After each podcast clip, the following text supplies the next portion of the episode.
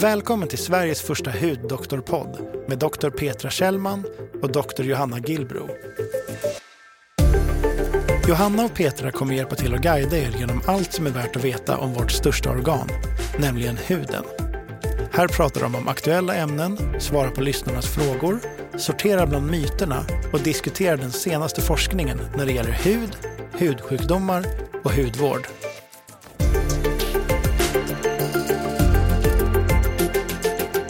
Dagens avsnitt handlar om mikrobiomet.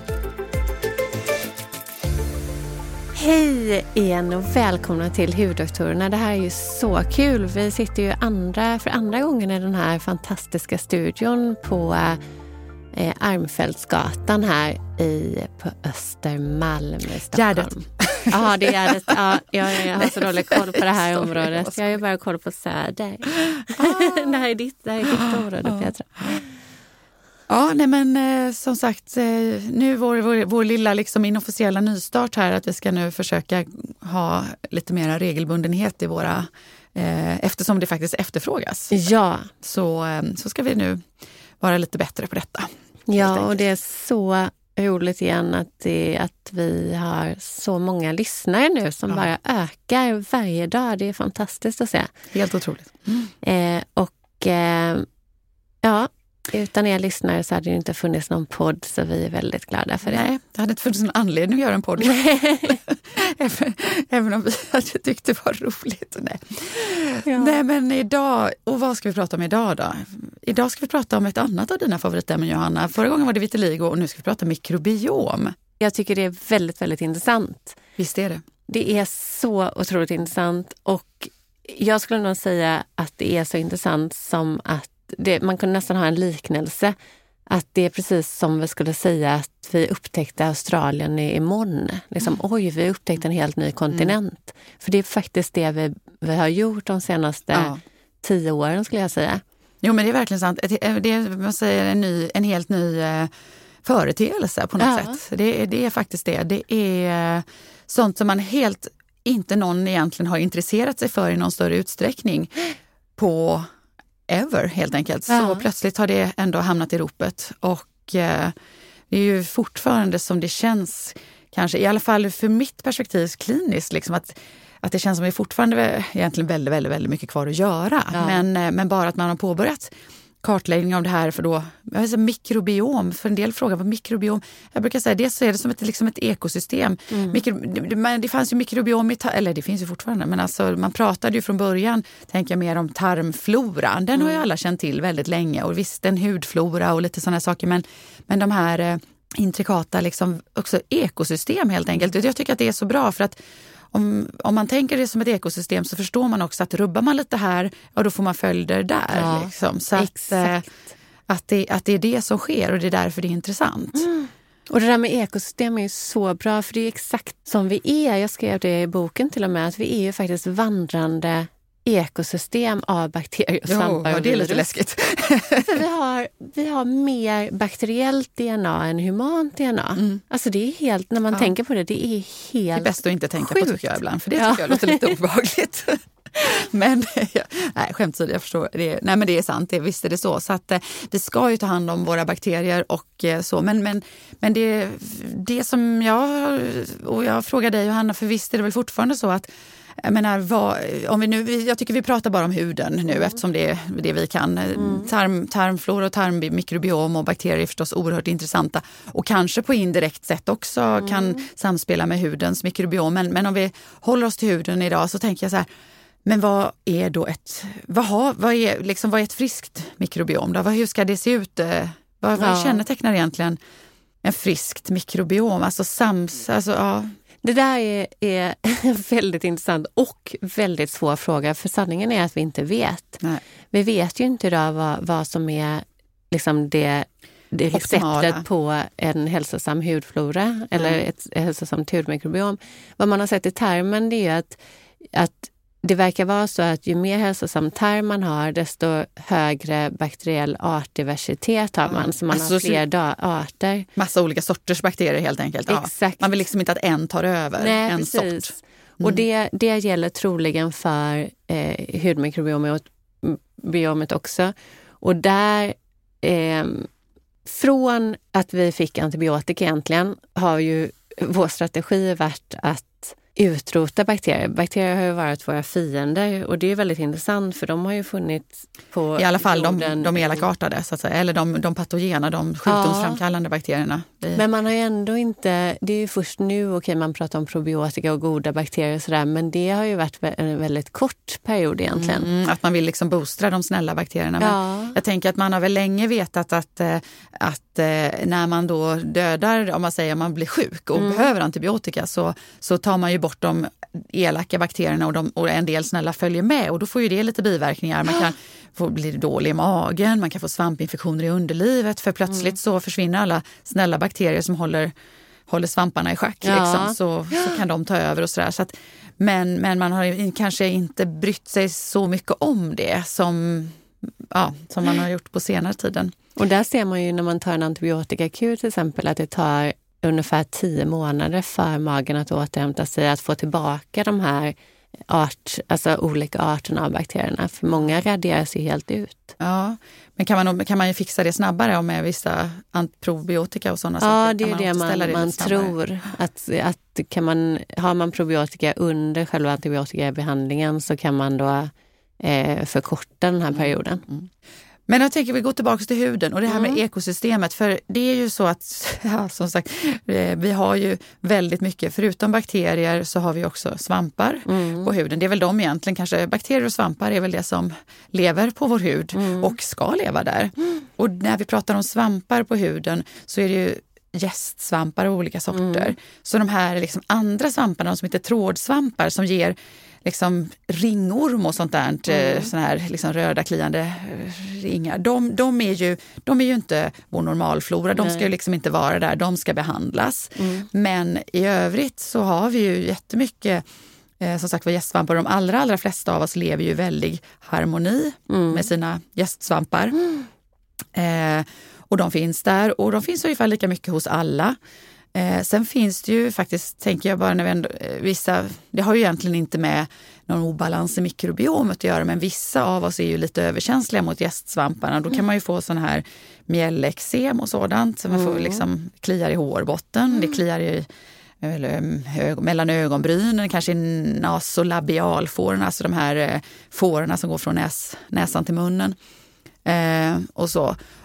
Eh, där, när vi börjar prata med en del patienter om och säger att ja, men det, är liksom, det är svamp, då tror man ju många att man, många tänker inte ens på att man har svamp normalt på huden utan Nej. tror kanske då att det är något utifrån kommande. Men det är egentligen bara en, eh, en, eh, en, ja, en, en i det här fallet handlar det om att man är överkänslig mot de här egna gästsvamparna så att man inte lever i samma så här, sköna symbios som eh, Eller att man har en obalans i, i hudmikrobiom. För många av de här goda bakterierna i huden, de motverkar ju att man får en infektion, en, svamp, en svampinfektion. Jo, fast i det här fallet är det ju andra mekanismer så att det är bara, bara svampens närvaro. Det behöver inte ens vara så att det är mer av den eller någonting. Utan själva svampens närvaro gör att, eh, att, eh, eh, att immunförsvaret så att säga reagerar och det är hos en del individer. Men Samtidigt så har man mjällexem så har man liksom mera som en, alltså som en överkänslighet, nästan lite som en allergi så att säga mot, mot eh, eh, de egna gästsvamparna även om de är i liksom, normalt antal. Det, behöver, alltså- det är inte så att,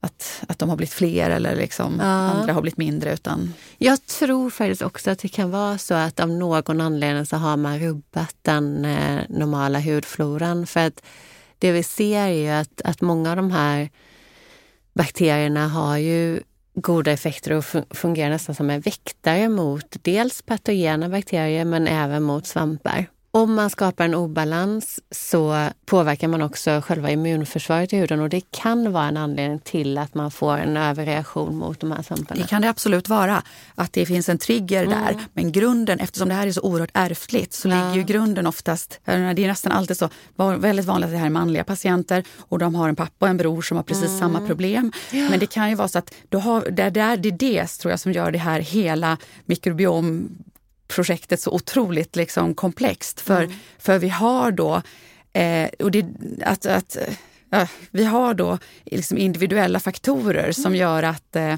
att eh, vissa rubbningar mm. får ett genomslag hos somliga och, men hos andra så kan den här rubbningen gå obemärkt förbi.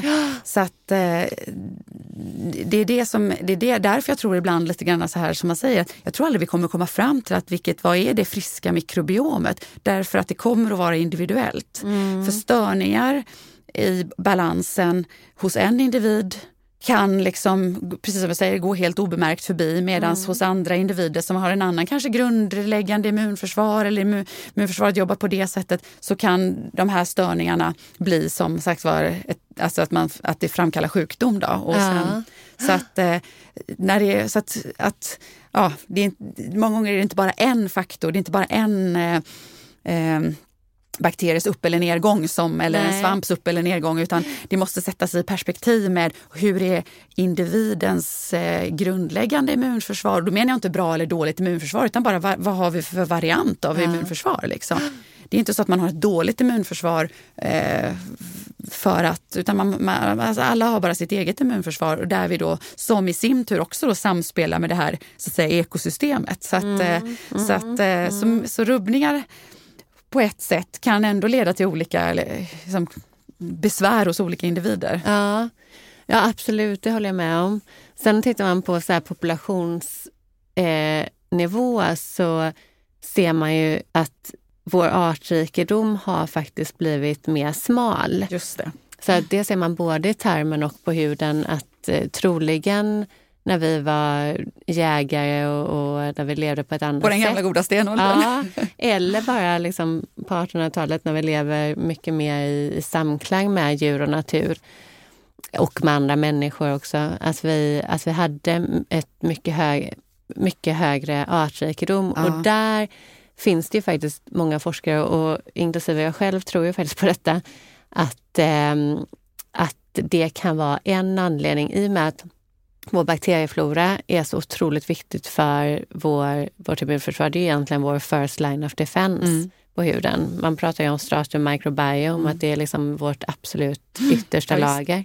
Och att de sjukdomarna som vi ser, speciellt i den västerländska världen, sen är det absolut multifaktoriellt och allt ja. det här eh, som vi har pratat om, men vi ser ändå eh, ökad, eh, en ökning av akne, av rosacea, av eksem, eh, exempelvis. Absolut. Och det kan, sen är det som sagt, och det kan ju vara att vi ser mindre av det i vissa populationer som bor mer i samklang med djur och natur. Det kan ju vara att de också har mycket mer sol, det kan vara andra faktorer eller har en annan kost eller har ett annat stressfritt liv etc. etc. Eller inte söker. Eller inte söker, så kan det Nej, vara. Nej, men, men vi ja. ser ju ändå till exempel det finns ju studier som, som också visar på att vi har akne, helt aknefria populationer i vissa områden i världen. Och om det beror på en speciell kost, ett speciell livsstil eller ett annat mikrobiom, det vet vi inte. Och genetik också, för ja. även där är genetiken jätteviktig. Ja, absolut, absolut. Man får inte glömma genetiken som en faktor nej, i alla fall. Nej, absolut. Men, men, eh, men sen finns det ju många modifierare, så att säga. Det, och eh, där vi, ja som sagt var, alla de, alla de sakerna som du nämner kan ju definitivt, spelar ju absolut in. Exakt, och där tänker jag att jag tycker man ska ändå reflektera, en intressant, väldigt, väldigt intressant reflektion, det är ju om vi jämför hur vi lever idag mot hur vi levde kanske för 100-200 år sedan, att vi är så mycket i sterila miljöer Mm. i, vi är i kontakt med torra, sterila ytor. Vi, eh, när vi åker till jobbet så åker vi bil, vi åker tunnelbana. Vi eh, bor på fjärde våningen i en lägenhet. Vi är inte så mycket i kontakt med djur eller mark eller jord eller växtlighet där vi har en, en annan typ av bakterieflora.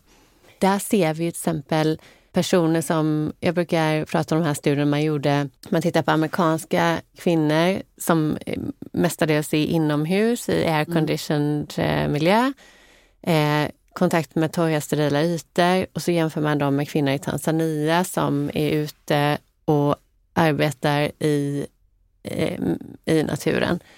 och hudmikrobiomet är ju som dag och natt. Ja, ja, Det ja. är ju, Absolut. och, och tittar man då på de här hudsjukdomarna som vi nämnde så är ju de betydligt mycket högre bland de här amerikanska kvinnorna jämfört med dem i Tanzania. Definitivt. Och det är mm, som sagt var, men ja, det, och jag bara tänker också att det kan då finnas andra faktorer för du kanske har en högre luftfuktighet. Bara det du sa air condition där. Ja. Det vet vi ju om att säger ta, ta eh, en sån sjukdom som eksem så har vi ju eh, att, att när hudbarriären blir uttorkad så, eh, så det, det, men som sagt var återigen, det är det som jag tror är det viktigaste av allting. Att det är en faktor att hudbarriären blir Ja. uttorkad. Så att, eh, men, eh, ja, och sen har vi så att så det är klart att du har en högre luftfuktighet. Jag var själv för några, jag har ja, inga egentligen eksemproblem, men ytterligheten är då, jag jobbar emellanåt i Kirkenes långt upp i no norra Norge på vintern. Alltså det är så kallt så det knastrar och det är så torrt. Och alla patienter uppe har jättemycket eksem. Eh, och, och jag, när jag är där får jag jättetorr hud så jag måste smörja mig tre gånger så mycket och, eh, och ändå kan jag typ eh, tycka att jag behöver smörja mig en gång till mitt på dagen nästan. För, till exempel ansiktskräm för att det är så himla himla torr utomhusmiljö, det är torrt inne med liksom element och så vidare. Och sen har jag varit även då eh, vid något tillfälle i eh, i Afrika och där har också där är en sån annan luftfuktighet. Där smörjer jag mig inte alls. Så att det är jätte, är ju, Ja. alltså, luftfuktigheten spelar jättestor roll vid till exempel eksem. Men, men som sagt var, det är ju inte den enda faktorn heller. Nej. Så det, det är det som är så... Och det, alltså luftfuktigheten, nu tänker jag när du, när du säger luftfuktighet så styr det hela mikrobiomet också. Så man vet Ja. inte vad som är hönan i Nej, nej. För tittar man på, på de, det, det är ju det man egentligen har tittat mest på inom hudmikrobiomet. Vad har vi för olika hudmikrobiom på olika delar av Yes. kroppen? Och där ser vi att de fuktiga områdena, Precis, eh, som till exempel Ljumskar, armhålor. Ja, ljumska armhålor, böjveck. Där har vi en, en viss typ av bakterieflora där vi också ofta får till exempel böjväxteksem som kan vara relaterat till detta. Och sen på de torra områden som till exempel skinka, ben. Eh, där har vi ett helt annat mikrobiom. I armhålan till exempel så har vi ett helt unikt mikrobiom. Och det är därför vi också har en viss lukt som kommer därifrån. Och det handlar om att vi har de apokrina svettkörtlarna som, så känner man sig under armen så har man ju ofta lite mer fetare, Ja, fuktigare, fetare hud och fukt. Mm. Och det här ger ju, det här leder ju till ett helt unikt mikrobiom här. Det är nu- en- också en, ja, precis en, en unik miljö, tänker Ja. med olika pH, olika, olika fuktnivåer och allting så- också. Så att, eh, ja. Och det finns ju forskargrupper som bara eh, forskar just på Mm. Armpit microbiome. Det Ah. finns, jag träffade till och med en kille på en, en mikrobiomkonferens bara för något år sedan som har ett Instagramkonto som ni kan gå in på. Som han, han kallar sig Dr. Armpit. Eh, och han forskar specifikt bara på mikrobiomet i Ah, shit. armhålan. Och det här är ju... ja, man kan ägna sitt liv intressant. åt mycket som Ja. nischade ämnen. Okej, Så, vi är lite mer och- generalister än så. Gå in och följ honom mm, eh, så får ni lära er allting om mikrobiomet i, I armhålan i alla fall. Ja. Nej, men det, är- ja, nej, men det är spännande faktiskt. Ehm, jag tänker bara det, var, sam, sam, sam, sammanfattningen egentligen av hela det här är att vi inte vet särskilt mycket alls. Eller vi vet att det har jättemycket betydelse men vi vet inte riktigt på vilket sätt. Nej, Det är och vi vet inte exakt, vi vet inte riktigt hur vi ska styra det. Eh, sen de, de strategier som man tittar på när det gäller hudmikrobiom, dels är det ju probiotika och tittar man på hudvård där så har det ju kommit eh, ganska, ja men det har poppat upp en hel del hudvårdsmärken med mjölksyrabakterier. Huruvida det har stor effekt, det kan inte jag riktigt svara på för mjölksyrabakterier är ju någonting som vi normalt inte har sådär jättemycket av på huden utan de, är mest prominenta i den vagina, det vaginala området och också i tarmen. Men, eh, men på huden har vi inte jättemycket mjölksyrabakterier. Så att, eh, men däremot det nya, mer intressanta som jag tror det är att man håller på att titta på, och det gör vi också mm, inom vår, vårt företag på Skinom, det är att man tittar på kommensala, alltså de bakterierna som bor och lever på huden helt naturligt.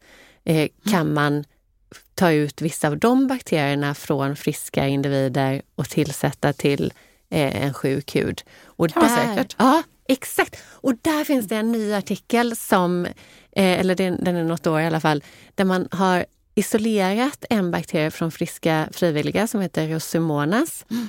Och sen har man gjort en spray av den och sprayat den på patienter med eksem och sett jättefina resultat. Mm. Sen är det väldigt få patienter, men jag tror verkligen att vi kommer se mycket inom det området. Absolut. Jag menar jämför bara den här, jag menar, du kan ju göra en avföringstransplantation ja. och eh, ge liksom från en med en frisk tarm kan du ge liksom eh, tarmbakterier då till, till en annan individ som inte har en frisk tarm mm. och få eh, frisk, frisk eh, eh, och få och erhålla en frisk tarm. Sen säger, men det, det vet jag inte hur vetenskapligt belagt det är, men sen säger ju en del att med den här avföringstransplantationerna så kan även då att du får en annan typ ja. av tarmflora så kan det även påverka en hel del andra saker i din kropp. Allt från vikt till, eh, till mående till allting. Så att, men det, ska, det, det är inte mitt expertområde så jag ska inte, jag ska inte jag ska inte säga att det är, men det, är inte, det, det låter inte osannolikt i och för sig Nej. om man nu tänker det och, och, och, vet hur mycket vår, liksom, våra mikrobiom faktiskt ändå gör för oss. Men, eh, men som sagt var tillbaks till huden och du nämnde själv tidigare där rosacea och allting. Det, ja, det, att, att, att mikrobiomet ändras vid rosacea är ju, det är ju ingen diskussion om. Mm. Men frågan är ju bara vilken, lite grann som du sa också, hönan och ägget. Mm. Eh, är det så att vi får stresssignaler ifrån eh, alltså de här små fina nerverna som ligger ute i huden mm. och att de gör att mikrobiomet förändras för mm. att hud, hudytan förändras, mm. andra signalsubstanser? Eller är det så att mikrobiomet ändras utifrån och sen leder till att vi får andra sign alltså ja. signalerar på ett annat sätt till hjärnan med klåda och sånt där. Så det, det är så mm. oerhört liksom komplext men det är så fruktansvärt intressant ändå så jag hoppas att man ja. att det går framåt eh, snabbt här. Men, eh, eh och, och som sagt var, vissa förändringar i mikrobiomet är, är ger, inte, liksom, ger sjukdom eller hos en mm. individ men inte hos en annan. Liksom. Ja, det har jag redan sagt, men jag tycker det är så viktigt. Ja. så Nej, men det här är och någonting som, som också verkligen boomar nu, eller inte boomar, men det, man börjar se att det händer saker där. Eh, och det tycker jag vi ska ta ett helt avsnitt om. Det är fagterapi. Mm. Så att man, eh, man har, och fager, bakteriofager är någonting som vi har helt naturligt på vår hud som mm. går in i bakterien och eh, förstör eh, vissa patogena bakterier. Då. Och det här är ett helt naturligt system. Man har använt bakteriofager i Ryssland Precis. bland annat mycket.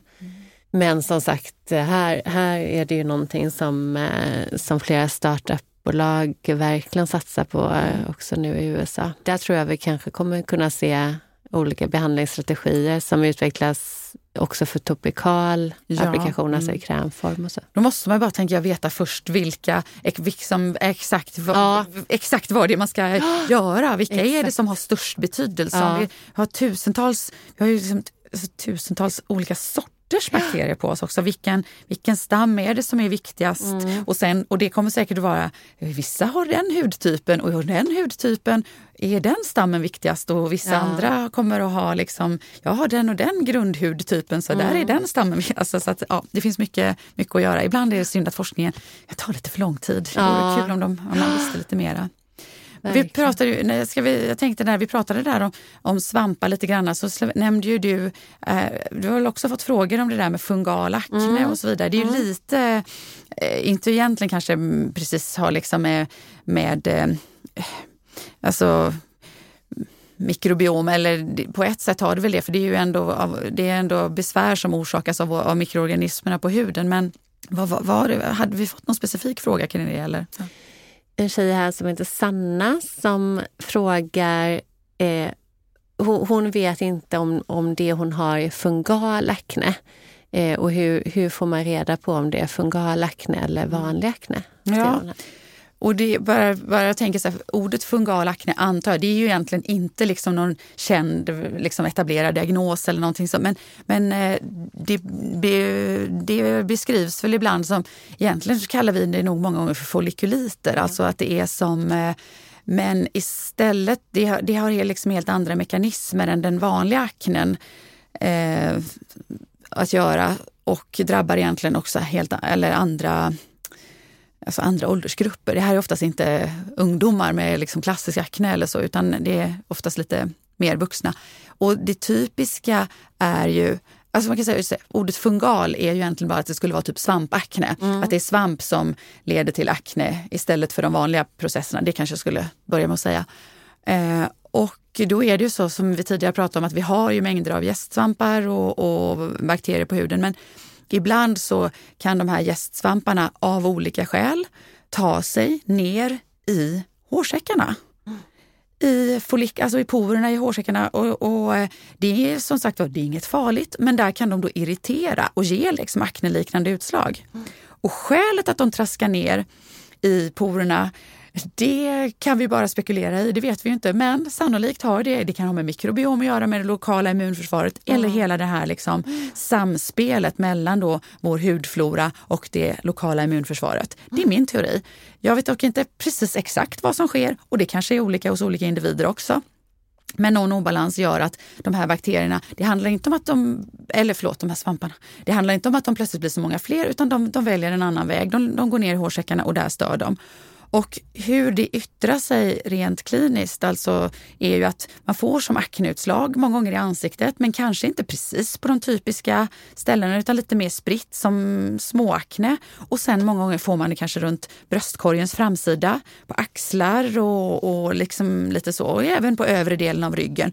Och det som är typiskt för den här aknen, i alla fall på bålen, alltså på rygg och bröst, är att den ofta kliar mm. väldigt mycket mer än vanlig akne. En klassisk akne kliar ju oftast inte. Mm. Det här kan klia som tusan. Mm. Och eh, så att, eh, men det kan ju misstas för akne mm. hos den, både förstås hos eh, eh, liksom vanliga människor och även tänker jag på vårdcentraler ibland, man vet inte riktigt vad. Då, då kan det vara den här att man har sån här ja, pytterosporon folikulit helt enkelt. Mm. Det är väl det som jag antar att man menar när man säger det här fungal akne. Men jag förstår hur man tänker.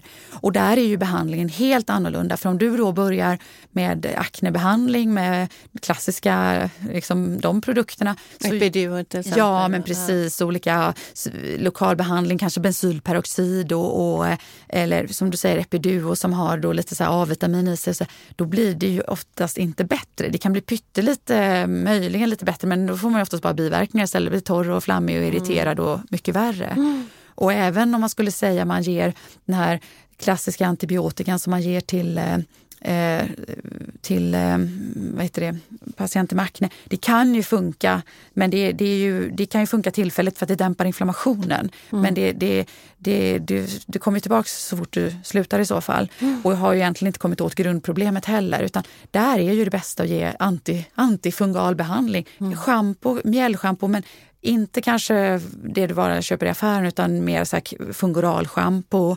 Och är det så att du har områden med eh, i ansiktet kanske eller det kliar så kan man även använda sån här Cortimyc till exempel ja. som är då lite, lite svagt kortison bara för att kanske dämpa klådan men som också har lite eh, anti, alltså antisvampeffekt. Mm. Men eh, sen är ju frågan, så här, det här blir ju, alltså, visst kan man behandla ner det och bort det, men sen har vi det här igen, det kan ju återkomma, det kan ju mm. återuppstå. Mm. För eh, vi vet ju inte riktigt egentligen vad som har vilken obalans säga, i då till exempel mikrobiom och hud som har orsakat de här problemen. Nej. Så att problemen kan ju givetvis vara återkommande och där blir det ju lite så ibland om man på något sätt får ja, pröva sig fram själv då, och men rådet många gånger är ju fortfarande, tycker jag då som hudläkare, att inte mixtra för mycket med huden, inte hålla på för mycket Nej. med massa olika sorters produkter. Och liksom mm. så här, för att bara det att vi, det har ju du pratat om tidigare, bara det faktum att vi applicerar någonting på huden kan ju ändra mikrobiomet.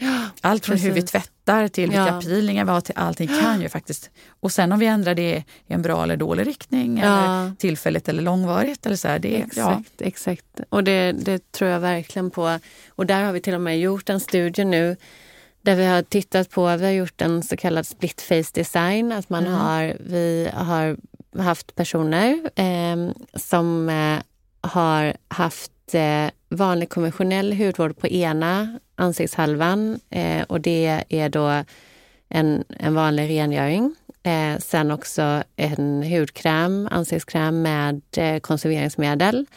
Eh, och det är de här vanliga konserveringsmedlen, fenoxetanol till exempel och parabener. Och sen har vi jämfört det med hudvård som eh, som inte innehåller konserveringsmedel. Så det är ju Skinoms Mm. produkter.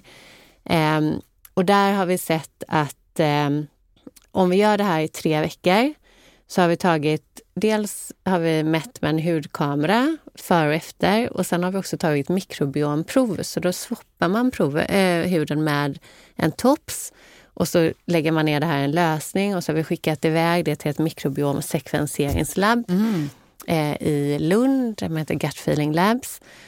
Och då har vi sett att om vi jämför då dem från start och sen tre veckor senare, då ökar vi bakteriediversiteten, alltså artrikedomen, när vi använder hudvård utan konserveringsmedel jämfört med konventionell hudvård, traditionell Mm. hudvård. Samtidigt som vi får minskad rödhet i huden av ehm, så minskad irritation, minskad inflammation med eh, hudvård utan konserveringsmedel. Och det här är egentligen, skulle jag säga, mig veterligen i alla fall, den första studien som har gjorts på när man tittar just vad konserveringsmedel gör för huden. För det är min starka övertygelse att jag tror att alla de här antimikrobiella ämnena som vi normalt sett dagligen applicerar på vår hud, det kan ju vara konserveringsmedel eller andra typer av tvätt, ehm, Man ska inte tvätta bort dem helt enkelt. Nej, Mm. precis.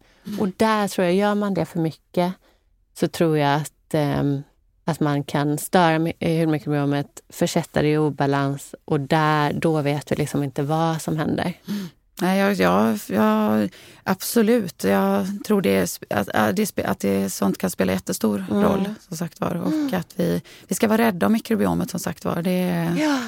Och be- bevara det på något sätt ostört. Ja. Men i alla fall om det är ja, friskt, höll jag på att säga nu. Som, men återigen vet vi inte riktigt vad som är Nej. friskt. Och, och som sagt vad som är hönan och ägget i de olika obalanserna. Men, eh, men intressant är det. Så Ja, intressant eh, är det. Och jag intressant. tror vi kommer se, alltså vi kommer ju prata om mikrobiomet mer, men jag tror att vi kommer inom de närmsta åren så tror jag vi kommer veta mycket mer Ja, än vad vi gör nu. det kommer att klarna liksom på olika, kanske vid olika tillstånd. Att, eh, där, ja, att, det, att, att där är det ja, kanske den och den sortens obalans i kombination med Ja. ja. det och det och så vidare. Så att, nej, men det, är det, det, är mycket, det, det enda vi vet med säkerhet det är att ju fler ju bättre. Ju fler, eller så här, ju fler olika sorters bakterier Ja. ju bättre tycks det i alla fall vara. För det, men exakt eh, vilka och vilken komposition. Och, på, och sen ska det anpassas till varje individ Ja. som ju i sin tur har sitt individuella mikrobiom. Då, så att, eh, men, men förhoppningsvis så, ja, så, så kan vi få mer och mer individanpassade mikrobiom Ja, framöver. Det exakt. vore kul. Det skulle vara superspännande. Det finns ju som sagt hur mycket som helst att prata om när det gäller mikrobiomet och man kan ju också vid senare tillfällen prata om hur påverkar vårt tarmmikrobiom huden? För där finns det ju vissa studier som eh, visar en koppling mellan olika hudåkommor och en viss tarmflora, även om det är ganska nytt. Det kommer vi prata om i framtida avsnitt. Det får vi göra, japp. Ja, men då kanske det är dags att avsluta för den här gången och vi hoppas, vi, vi kommer ju definitivt på ett eller annat sätt återkomma till de här frågorna. Och, eh, för det är jätteintressant och eh, jättespännande och jag tror som sagt att ja, som, vi kommer att lära oss mera. Eh, så att eh, den här gången får jag bara säga tusen tack för att ni har lyssnat. Och det ja. är kul att sitta här och prata tillsammans. Tusen tack Petra för att eh, ja, men ha en jättefin dag. Yes. Så ses vi nästa, vecka. Det gör vi. Hej! Hej, hej!